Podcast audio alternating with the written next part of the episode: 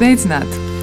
Studijā šobrīd ir Maija Kārkliņa, psihoterapeite, un mēs mēģināsim savilkt nu, kā latvieši mēdz teikt, galus kopā tam, ko esam izdarījuši šajā gadā.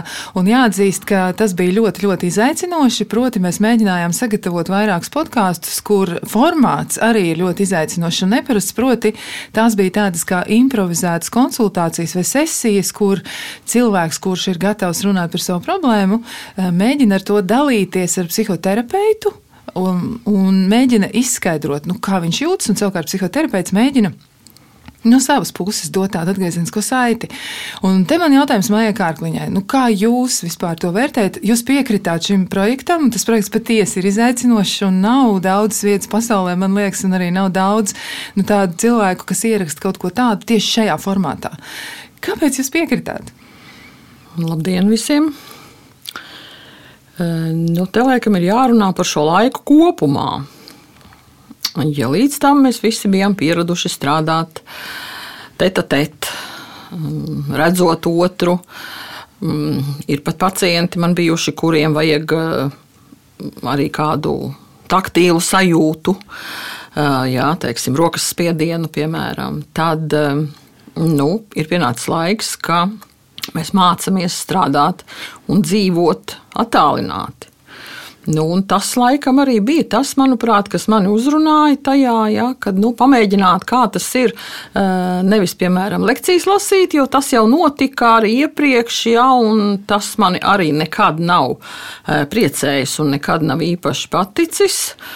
Mm, lasīt attālināt zūmā lekcijas, piemēram, un šis bija tāds veids, jā, kā strādāt nu, ar nepazīstamu pacientu. Ja? Jo šobrīd ir tā, ka arī es, piemēram, strādājot cilvēkus, nu, lai viņi neapvainojās un neuztver to kā diskrimināciju, bet es neņemu un nestrādāju ar cilvēkiem.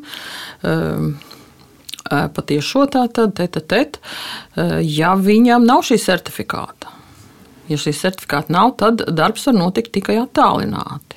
Ja, man ir bijuši mm, daži cilvēki, kas ir zvanījuši un teikuši, ka viņi vienalga grib atnākt.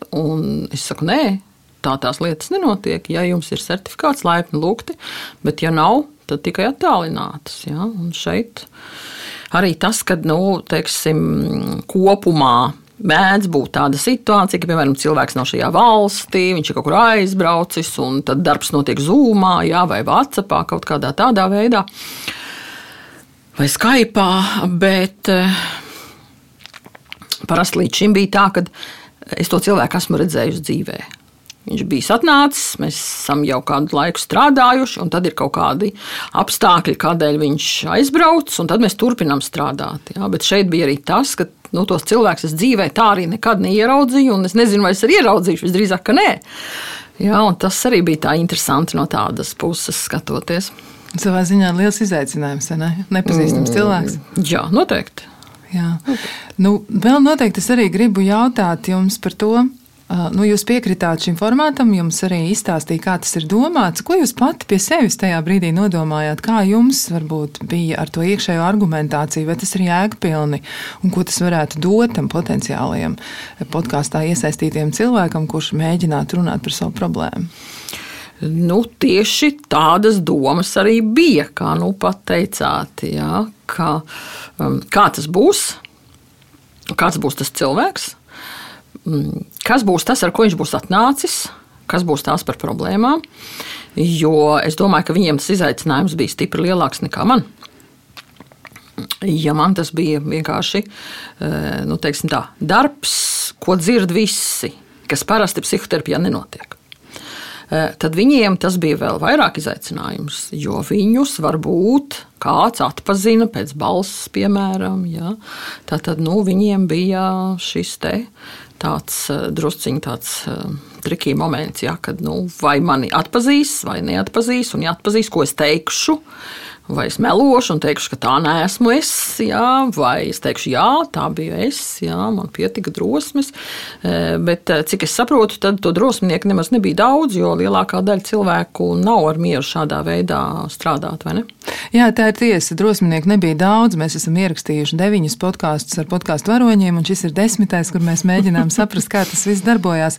Jo laikam tā ir, jā, pasaulē biežāk izmantotā prakse ir, kur mēģina apspriest kādu psihoemocionālu vai cita veida problēmu, un bieži vien tur tiek izmantoti aktieri, kuriem tiek iedota loma.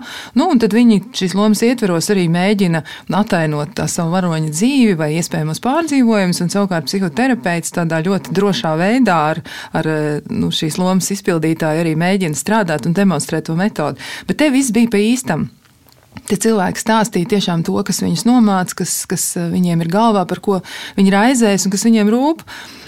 Un, jā, nebija viegli atrast eh, drosminieks, un es izmantojot izdevību arī noteikti gribu pateikt paldies pilnīgi visiem iesaistītajiem cilvēkiem, kas gan bija starpnieki, gan arī gal galā, kas eh, nu, sarunāja šos cilvēkus un, un, un pašiem drosminiekiem, kur piekrita. Jo tas ir ļoti, ļoti grūti runāt par sevi arī ar svešu cilvēku. Tieši tā kā, tieši tā kā jūs teicāt, tas ir tāds liels izaicinājums. Jā. Bet eh, runājot par to problēmu amplitūdu, eh, nu, kas ir jūsu novērojums? Jo eh, nu, arī kolēģi daži piedalījās savā podkāstu ierakstos, bet bija tā, ka jūs nu, iznesāt to lielāko slodzi. Un, kas ir tas, ko jūs varat teikt? Nu, cik liela ir tā problēma amplitūda, par ko cilvēki runā šajā laikā? Jo laiks ir tiešām grūts un daudz visādi lietu notiek. Nu, psihoterapija laikam ir tā nozare, kur uh, tās uh, problēmas ir uh, nu, tiešām no, no zemes līdz debesīm. Šeit arī es domāju, arī šiem cilvēkiem tas, kas viņiem bija svarīgs, par ko viņi runāja, nu, tas viņiem šajā brīdī bija tas noteicošais, kas viņiem traucēja kaut kādā mērā labi justies. Bet runājot par šiem cilvēkiem, eh, jā, man arī paldies, ka viņi piedalījās. Eh, gribu teikt, bet es arī ievēroju to, ka būtībā šie cilvēki visi bija diezgan jauni. Tad, tad cilvēki, nu es teiktu, 40 plus tur praktiski nebija. Pirmkārt, jau psihoterapijā kā tādā 40, plus, nu vēl nāk, bet 60 plus nāk reti. 50 plus, nu arī vēl šādi atnāk. Um, un arī šis formāts, es domāju, tiem jauniem cilvēkiem bija tieši tāpēc pieņemošāks, jo tie, kas ir vecāki, nu viņiem šis formāts galīgi, es domāju, nedara. Um, bet problēmas, es domāju, ka ir visdažādākās. Šobrīd viena no problēmām ir šī vientulības sajūta, vienatnes sajūta, pamestības sajūta.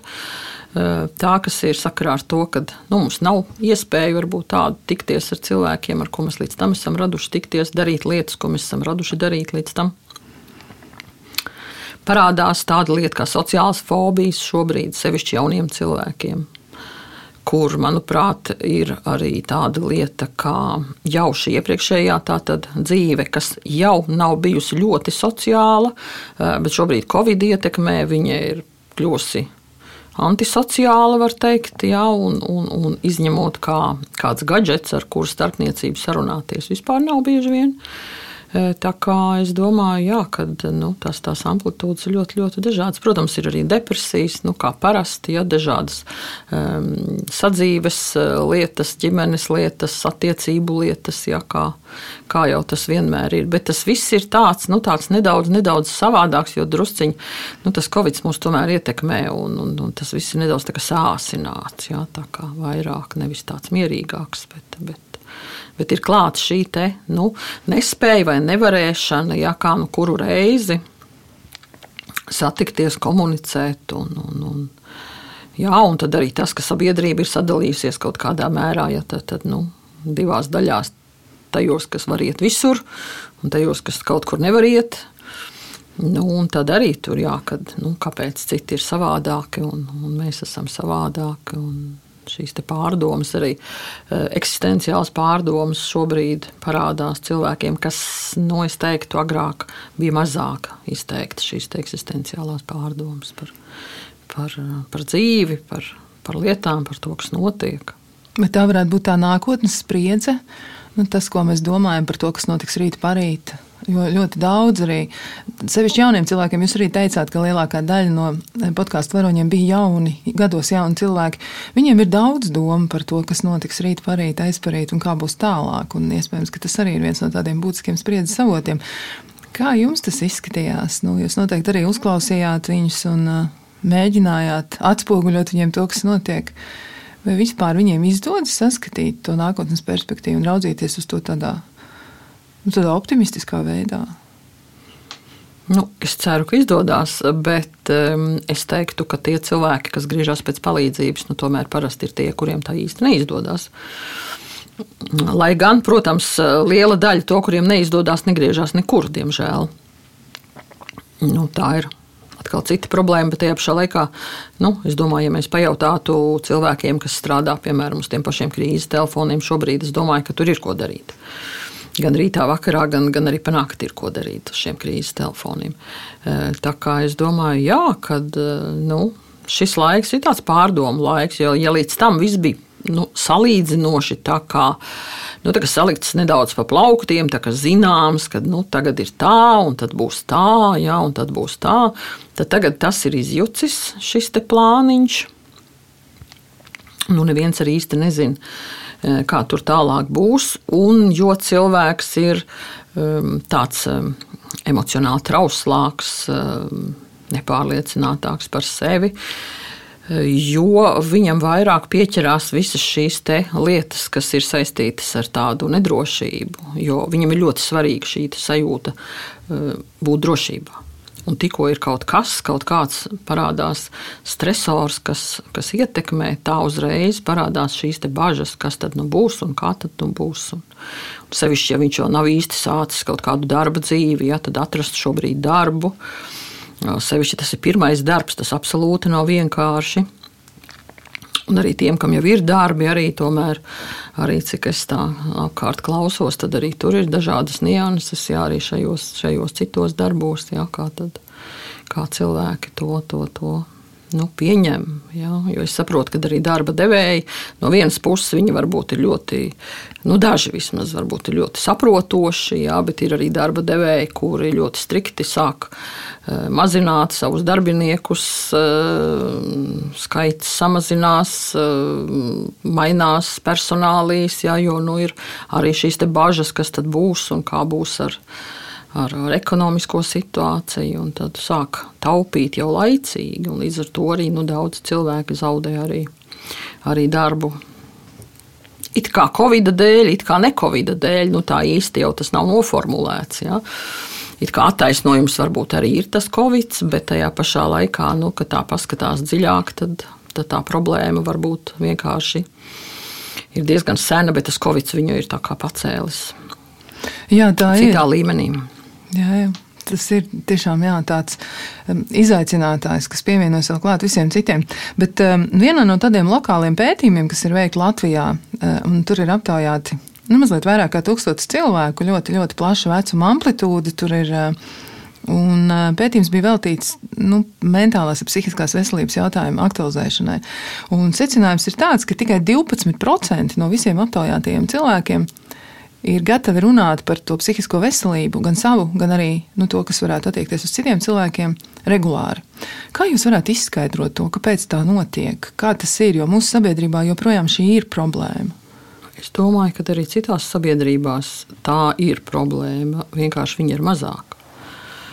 Viens no iemesliem, manuprāt, domāju, tādiem nu, jau ļoti pieaugušiem cilvēkiem, kuriem uh, ir šīs te, uh, šis te sākums padomi laikā, Es domāju, ka tas būtu viens no variantiem, skaidrojumiem. Tātad nu, nestāstīt par sevi, nestāstīt neko lieku.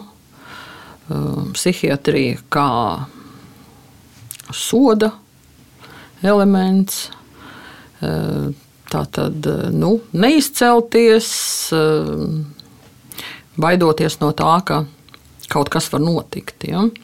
Tad mazāk informācijas, mazāk, mazāk sevi parādīt un tā tālāk. Uh, Ehm, nu, otra daļa, es domāju, šobrīd tie, kas jau ir jauni cilvēki, es teiktu, ka viņiem ir vienkāršāk.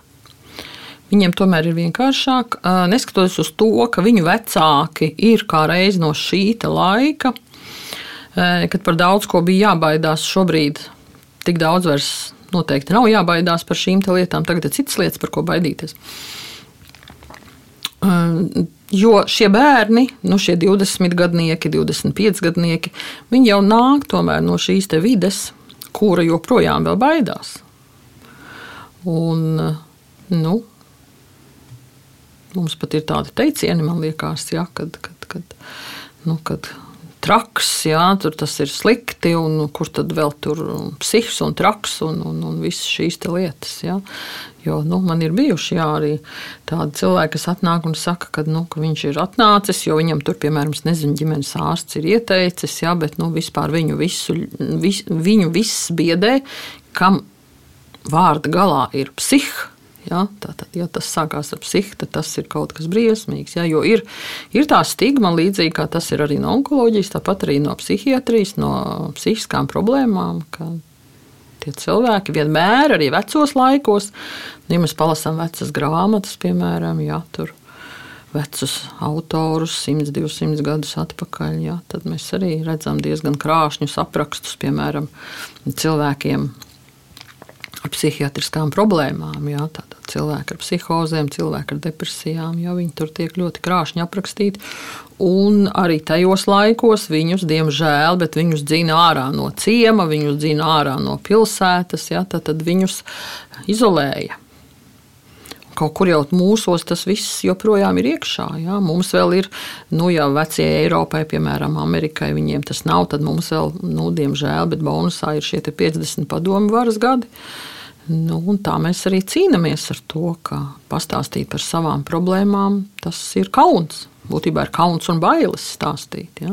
Kauns par to, ka es tāds esmu, un bailes par to, kas būs, ka tiešām es tāds izrādīšos, un ko tad ar mani darīs, un ko citi cilvēki par mani domās, un kā viņi uz mani skatīsies. Varbūt viņi no manis eh, distancēsies, varbūt mani izmetīs no darba, varbūt vēl kaut kas, vēl kaut kas. Ja? Nu, tāpēc arī psihoterapijā mm, ļoti svarīga šī konfidencialitāte, eh, kad, nu, tāpēc arī es teicu, ja, ka šie cilvēki Paldies viņiem, kas piedalījās, ja viņi savā ziņā ir varoņi, jo viņi atļāvās par savām šīm problēmām runāt publiski. Nu, tas radio šeit darbiniekiem droši vien ir labāk zināms, cik liels ir tas lokus cilvēku, kas klausās šo podkāstus. Ja? Tas droši vien tiek skaitīts un to var saskaitīt.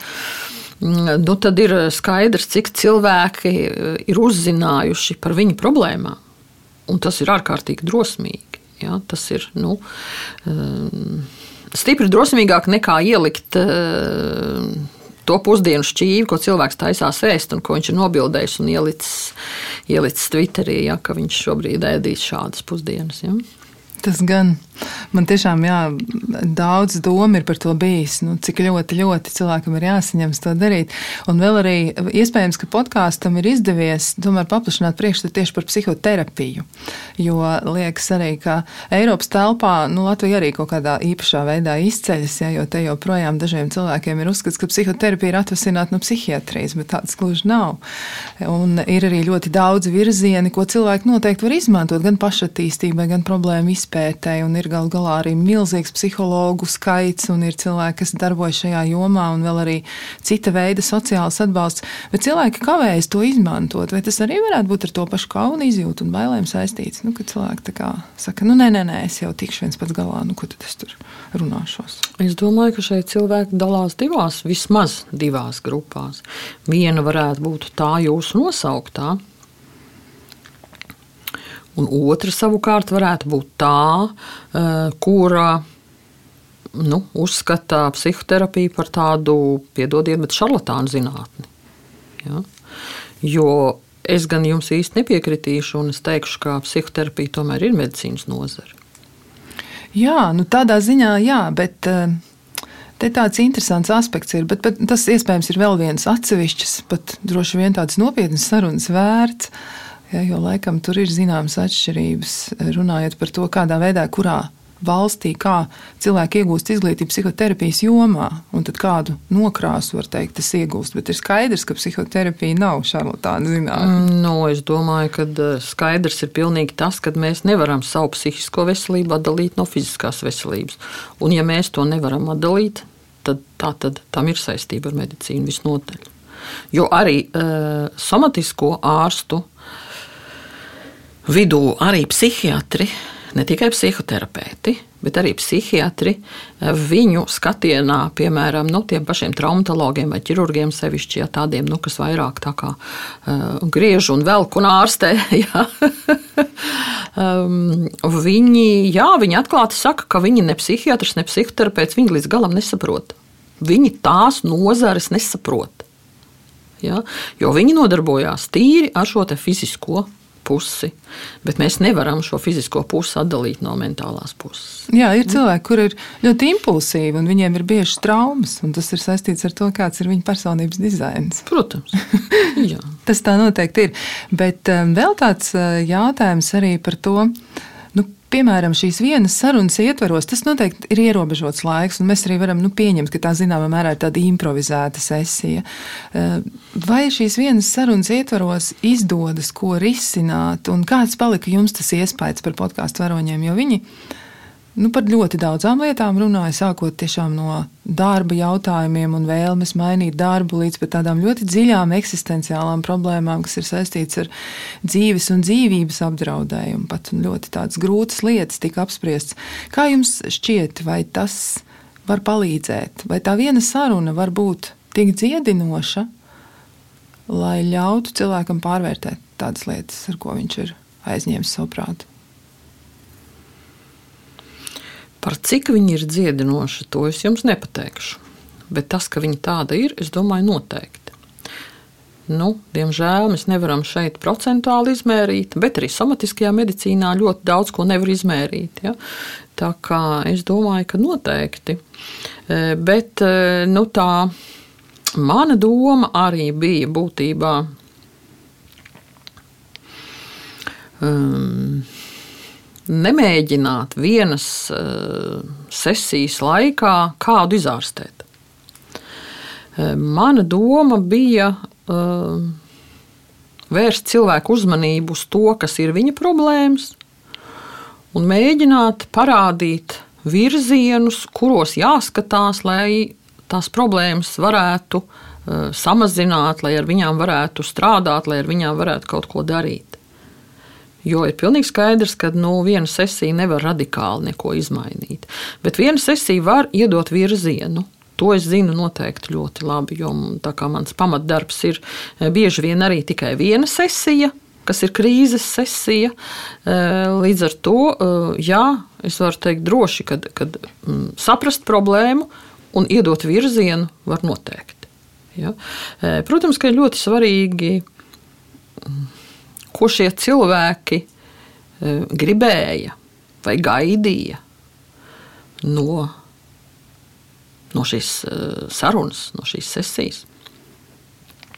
Kādas bija viņu e, vīzijas, expectācijas par to, kas būs kas būs šīs sesijas laikā, kas būs pēc sesijas, vai tas būs kāds Ziemassvētku brīnums, tur atnāks Briedis Rudolfs vai vēl kaut kas. Jā, nu, es domāju, ka tas tas nemaz svarīgi katram bija tam cilvēkam. Un, un tajā pašā laikā, jā, kā jūs sakat, interesanti man likās arī tas, ka faktiski katram no viņiem tā problēma bija savādāka tas bija atkal interesanti, jo tas nebija tā, kā, nu, kā varētu domāt, ka nu, mēs tā kā, es nezinu, pēc kaut kāda nezināma klausītājam principa, bet esam savākuši kaut kādu pulciņu ar, ar cilvēkiem, kuriem visiem ir vienāda problēma. Šeit tā problēma tiešām var teikt, katram bija cita. Jā, protams, ja mēs nu, eh, sāktu tagad analizēt, jā, tad, protams, mēs atrastu tur ļoti daudz kopīga. Bet eh, tie, tieši par to, ar ko viņi nāca, eh, tas bija ļoti dažādi. Tas bija ļoti dažādi. Un, un arī tādā ziņā tas bija interesanti, ka tas bija tik ļoti dažādi. Jo um, tad, kad cilvēks nāk jau apzināti pie psihoterapeita, uh, viņš bieži vien ir ļoti ilgi domājis par to, kas viņu neapmierina, kas viņam ir slikti, ko viņš gribētu savādāk. Ja. Tad ir pagājis kaut kāds laiks, kamēr viņš ir sevi pierunājis sameklēt to psihoterapeitu. Tad paiet kaut kāds laiks, kamēr viņš tagad nu, ir pierakstījies un, un, un ticis pie viņa. Ja. Bet šeit bija tā, ka cilvēks tātad, nu, viņam ir problēma, un viņš diezgan, es saprotu, ātrā laika periodā ir piekritis šādām pasākumam pie tam vēl. Ja? Tā kā tas tā, nu, tiešām ārkārtīgi. Ārkārtīgi interesanti, kā šiem cilvēkiem. Es ceru, ka viņiem viss ir labi un viss ir brīnišķīgi, un, un ka tā arī būs turpmāk. Ja? Bet, uh, Jā, jācer, ka viņiem ir noteikti, nu, es ceru, es ceru, es nevaru apgalvot noteikti, bet es ceru, ka viņiem ir izdevies nu, virzīties kaut kur prom no tiem grūtajiem punktiem savā dzīvē un darīt tādas lietas, kas viņus pacelā un kaut ko viņi noteikti no tā viss ir iemācījušies. Un, uh, iespējams, kaut kad nākotnē būtu vērts apjautāties viņiem, kā viņiem klājas. Mums gan arī viens podkāsts tāds ir, viena sērija. Mēs runājām ar vienu no šiem podkāstu varoņiem gada sākumā, un pēc tam aprunājāmies arī gada beigās.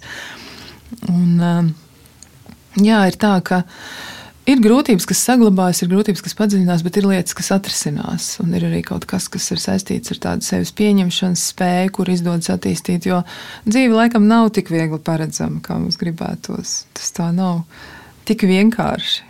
Ne, tik vienkārši nav.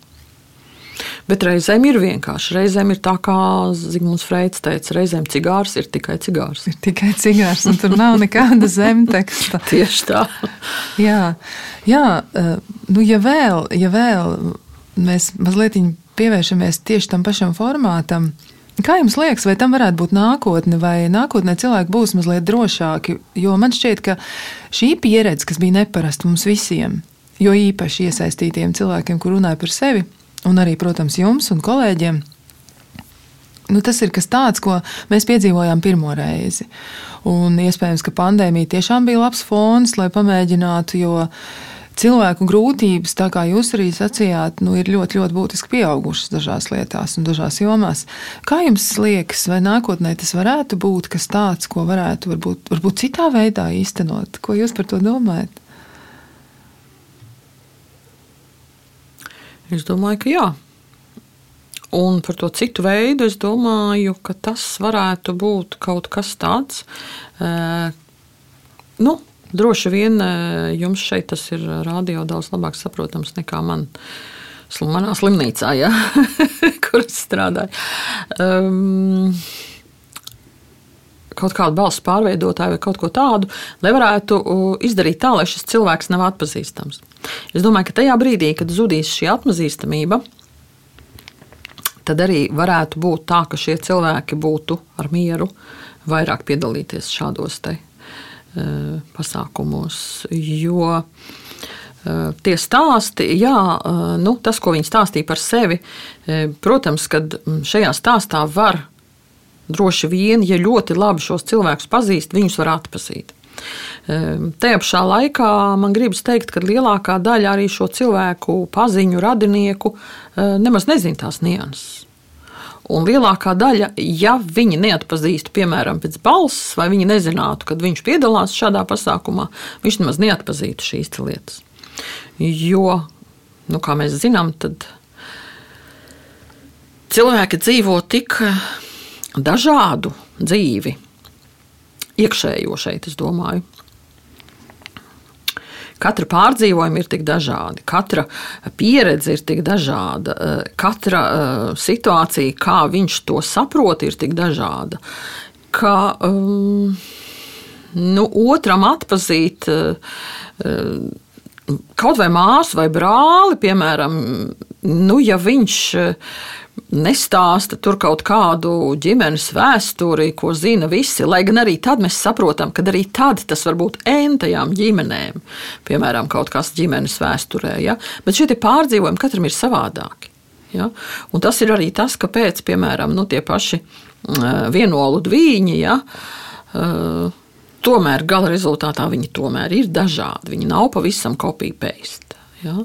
Jo arī tā dzīves pieredze, nu, kamēr viens dvīns, piemēram, viņam ir divi gadi, viņš aiziet uz vienu istabu, un viņam ir piedzīvojums, piemēram, ar, ar tēti, tikmēr otram, piemēram, ir piedzīvojums virtuvē ar mammu.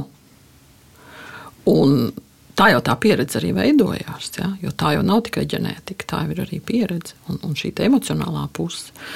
Tā kā es domāju, ka jā, kad, kad ja mēs kaut kā spētu ievērot šo konfidencialitātes principu, kas ir ļoti svarīgs un, un kā mēs zinām, jau sabiedrībā bieži uh, bez vajadzības nesātajā terminā Hipokrātas vērests, par to ir minēts. Uh, bet tur arī daudz interesantas lietas būtu labi, ja cilvēki izlasītu, kāds ir šis oriģinālais tulkojums tam Hipokrātas vērestam. Uh, tad tur ļoti liela loma ir šai konfidencialitātei, tas ir viens no stūrakmeņiem, kāpēc cilvēks, kuram ir slikti nāk pēc palīdzības, tāpēc ka viņš zina, ka viņš nedabūs papildus sitienu ar šo te, ar ko viņš atnāks. Viņš saņems palīdzību. Ja? Un tas ir tas arī, jā, kas, manuprāt, psihoterapijā, ja viņi notiek nu, tā, kā parasti notiek, jā, tad arī ir viens no šiem momentiem, kad cilvēks zina, ka tas, kas tiek runāts, nu, tas arī paliks šajā kabinetā, un viņš no, no tā kabineta ārā neizies. Jā, Nu, tas ir tas tāds interesants jautājums tieši domājot par to nākotni. Jā, kāds tad varētu būt tas ideālais formāts, kas ir pietiekami drošs gan tam cilvēkam, kurš ir psihoterapeita lomā vai konsultanta lomā, gan arī tam cilvēkam, kurš piedalās un mēģina aprakstīt savas grūtības un atrast vismaz dažas atbildes uz jautājumiem tās vienas sarunas laikā. Bet uh, man vēl jautājums arī jums, tīri personiski. Jūs darāt patiesībā ļoti smagu darbu.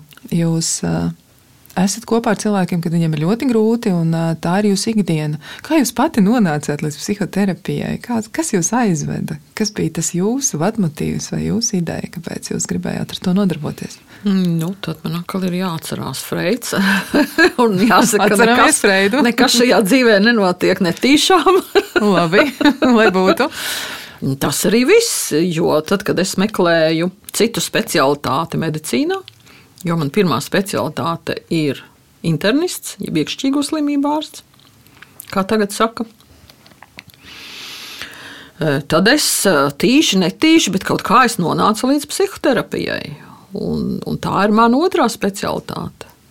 Es pēc tam gāju uz Stradiņu universitāti un mācījos otro reizi citu specialitāti. Nu, tā es arī tur nonācu. Un pēc tam jau es atkal tīši, netīši man vienkārši piedāvāja, nu, kad ir tāda iespēja iet strādāt eh, uz austrumu slimnīcu. Nu, es aizgāju. Nu, droši vien līdzīgi kā ar podkāstiem. Nu, Bet nokļuvis tur, jā, tīri netīšām. Man vienkārši piedāvāja, aizgāju, piekritu un, un strādāju. Bet podkāstu tas virsmērķis, par ko mēs domājām pašā sākumā, bija kā reizi iedrošināt cilvēkus piekrist tādu veidu formātam, lai viņi varētu nu, pārliecināties par to, ka tas nav bīstami, ka to var pamēģināt. Un izskatās, ka tā tas arī ir sanācis. Neviens no podkāstu varoņiem nav teicis, ka viņam tas būtu licies. Uh, bīstami. Tas ir licies izaicinoši, varbūt ne tik viegli runāt par to, ko pārdzīvo, ko jūt, bet bīstami tas nav bijis. Varbūt arī tiem, kas klausīsies, arī būs mazliet drošāka tā sajūta, nu, es varu iet pamēģināt. Es varu iet pie maijas kārkliņas vai pie viena nu, kāda cita, jā, psihoterapeita un, Protams. un pamēģināt, kā, kā ir būt ar sevi. Nē, nu, tas noteikti, es domāju, mana doma katrā ziņā ir tāda, ka tas varētu būt arī bijis viens no tiem mērķiem parādīt cilvēkam, ka psihoterapijā nekas briesmīgs nenotiek, kad tur nevienam nedara pāri, ne, nevienam nedara ne, ne, ne fiziski, ne, ne emocionāli pāri, ja, kad, nu, kad tā ir. Tā ir tāda pietiekami droša metode. Jā, protams, viņi nav, nu, ja mēs runājam par ilgtermiņa sevišķu psihoterapiju, viņi nav ne viegla, ne vienkārša. Bet nu, tajā nav tiešām nekā eh, apdraudoša. Tā, ja? Jā, nu, cerams, ka tā arī tā arī to uztvers tā publikas daļa, kas klausīsies.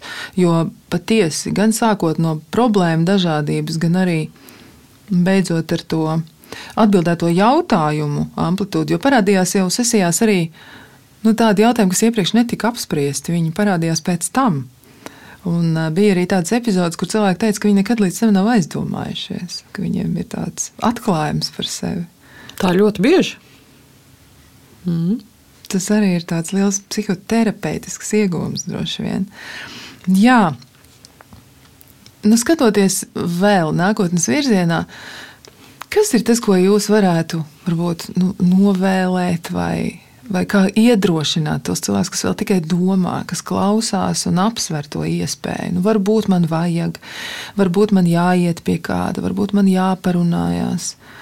Kā jūs iedrošināsiet šos cilvēkus? Jo viņiem noteikti daudziem tas ir nepieciešams. Un tieši tas iedrošinājums tam pirmajai reizei, tam pirmajam solim, lai atvērtu kādas durvis, ieiet iekšā, apsēstos un teikt, nu, es gribu parunāt par kaut ko.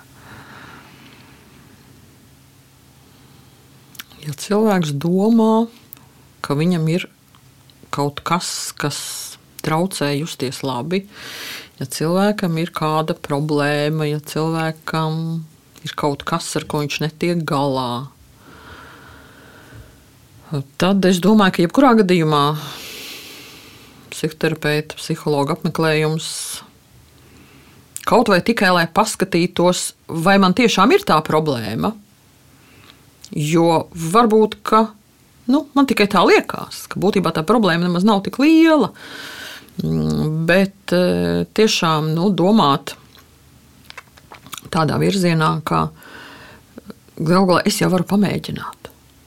Ja, es jau varu pamēģināt, aiziet, apskatīties. Nu, man neviens nespiež tagad tur iet, es nezinu, piecus gadus terapijā galu galā. Ja? Eh, bet, ja man ir kaut kāds diskomforts, psihoemocionāls, varbūt tomēr aiziet un mēģināt ar to tikt galā. Mēģināt saprast, kas tas ir. Jo ļoti bieži, jau, kā mēs zinām, ir arī um, īstermiņa terapijas, ja, kuras tur ilgst varbūt tur trīs mēnešus vai, vai, vai, vai, vai pusgadu, ja, nu, kaut kādā tādā veidā. Ja, vai, vai reizēm ir piemēram krīzes terapijas, kur vispār atnāk cilvēks uz kaut kādām divām, trijām, četrām reizēm, un principā viņš ir sevi sakārtojis šajā situācijā, un viņam vairāk arī nevajag.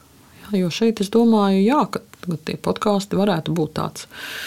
Nu, tā kā drusciņš tāds grūdienis tajā virzienā, kad es jau varu aiziet kaut vai uz vienu reizi, paskatīties, nu, kur tad ir tā mana problēma. Ja? Jo varbūt tā problēma eh, nu, nemaz nav īsti tāda, kāda es iedomājos. Varbūt viņa ir kaut kāda savādāka. Ja? Vai ka es esmu tiešām nu, drusciņi piedomājis pie tās problēmas, ja? kad, kad es esmu viņu radījis to problēmu, ka tās problēmas būtībā nemaz nav, vai es esmu ietekmējies atkal no kāda. Un, un tur es nezinu, draudzene stāsta, ka viņai ir tā, un viņa iet terapijā, un es tā padomāju, padomāju, un domāju, ah, man arī ir problēma, man arī ir jāiet terapijā. Bet, bet varbūt tā nemaz nav, jo katram jau tā dzīve ir savādāka. Katram tā dzīves uztvere un pieredze ir savādāka. Katram gal galā ir sava personība, savs personības tips un savs temperaments, ar kuru cilvēks dzīvo. Tā kā es domāju, jā, nu, būt, eh, būt drusciņš, varbūt drosmīgākam, un tajā pašā laikā, eh, nu, kas atkal varētu iedrošināt, tas, ka, ja mēs ejam vienkārši uz konsultāciju, ja mēs neejam uz šādu podkāstu, nu, tur ir tā konfidencialitāte. Tas ir, tas ir pietiekami droši. Ja mēs aizejam pie, pie cilvēka, mēs neejam nekur, mēs to nereklamējam, mēs to nestāstām. Ja mēs aizejam, mēs, mēs esam tajā vietā, un tad mēs no turienes aizejam projām. Un parasti, kā mēs zinām, tad arī tas laiks tiek salikts tā, ka starp cilvēkiem ir pietiekami liels šis laika posms, lai, lai cilvēki arī, kas nāk pie viena speciālista, lai viņi nesatiktos. Tad, tad nu, viens cilvēks aiziet, viņš aiziet projām, tad pēc laika nāk otrs cilvēks. Ja? Tā kā nu, ka, ka tas ir pietiekami droši. Jā, tā ir svarīga lieta. Izskatās, ka nākotnē ir. Izskatās, ka nākotne ir podkāstam pat šādā izaicinošā formātā, jo tas tiešām nebija vienkārši. Mēs daudz lauzījām galvu no sākuma, pirms vispār izvēlējāmies nu, to veidu, kā to darīt, par to, cik tiešām tas būs droši, cik tas būs pieņemami sabiedrībai un cik daudz varētu būt tie potenciālie kandidāti. Mēs gan cerējām uz lielāku cilvēku skaitu, bet eh, ņemot vērā visus apstākļus un ņemot vērā arī to, cik ļoti lielu spriedzi pandēmija radījusi un arī dažādu veidu citus apsvērumus jāsaka, ka nu, tas ir milzīgs iegūms mums pašiem. Un te laikam nederēs skaitļi, cik vajadzēja, vai cik ir, ja, vai cik varētu būt nākotnē. Tas šoreiz nestrādā. Tādā veidā to nevar uzlūkot. Tāpēc vēlreiz paldies visiem podkāstu varoņiem, kas piedalījās. Milzīgs paldies Maijai Kārkliņai. Paldies arī pārējiem kolēģiem, kur iesaistījās. Un uh, šajā brīdī droši vien jāsaka tā, skatīsimies, kas notiks nākotnē un iesim uz priekšu. Pilnīgi noteikti. Es domāju, ka, nu, kā jau es te pieminēju, to, ka trūkst šīs drošības sajūtas.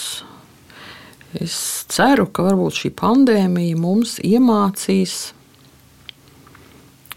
spēju darboties tādā eh, nu, nedaudz mainīgā režīmā, varbūt. Ja? Tātad spēt eh, kaut ko mainīt, spēt pieņemt kaut kādas lietas, spēt eh, lietas darīt savādāk nekā darīt līdz tam. Ja? Nu, tā būs tāda savā ziņā varbūt mācība mums, ja? kad, kad, kad mēs varam darīt visu to pašu, būtībā tikai nedaudz savādākā veidā. Ja? Mēs varam citā, citā mērcē to visu pasniegt. Ja? Un, nu, būtībā jau mēs sasniedzam to pašu, var teikt. Ja? Es domāju, gan nu, mēs ejam uz darbu, galu galā mums notiek kaut kāda sadzīve, šāda vai tāda. Ja viņi nenotiek tik varbūt kā kādreiz, ja, un Tāpat nezinu, tie paši ārsta apmeklējumi notiek. Jā, nu, jā, nu, tur māksla mums kļuvusi virtuāla un tā tālāk, bet, bet būtībā jau dzīve nav apstājusies. Jā, to uztvert kā tādu, nu, kā tādu mācību stundu, kad mēs nu, šobrīd dzīvojošie esam trāpījuši tādā laikā, dzīvot un laikmetā, nu, kad mēs esam šobrīd nu, šīs, šajā pandēmijā. Ja.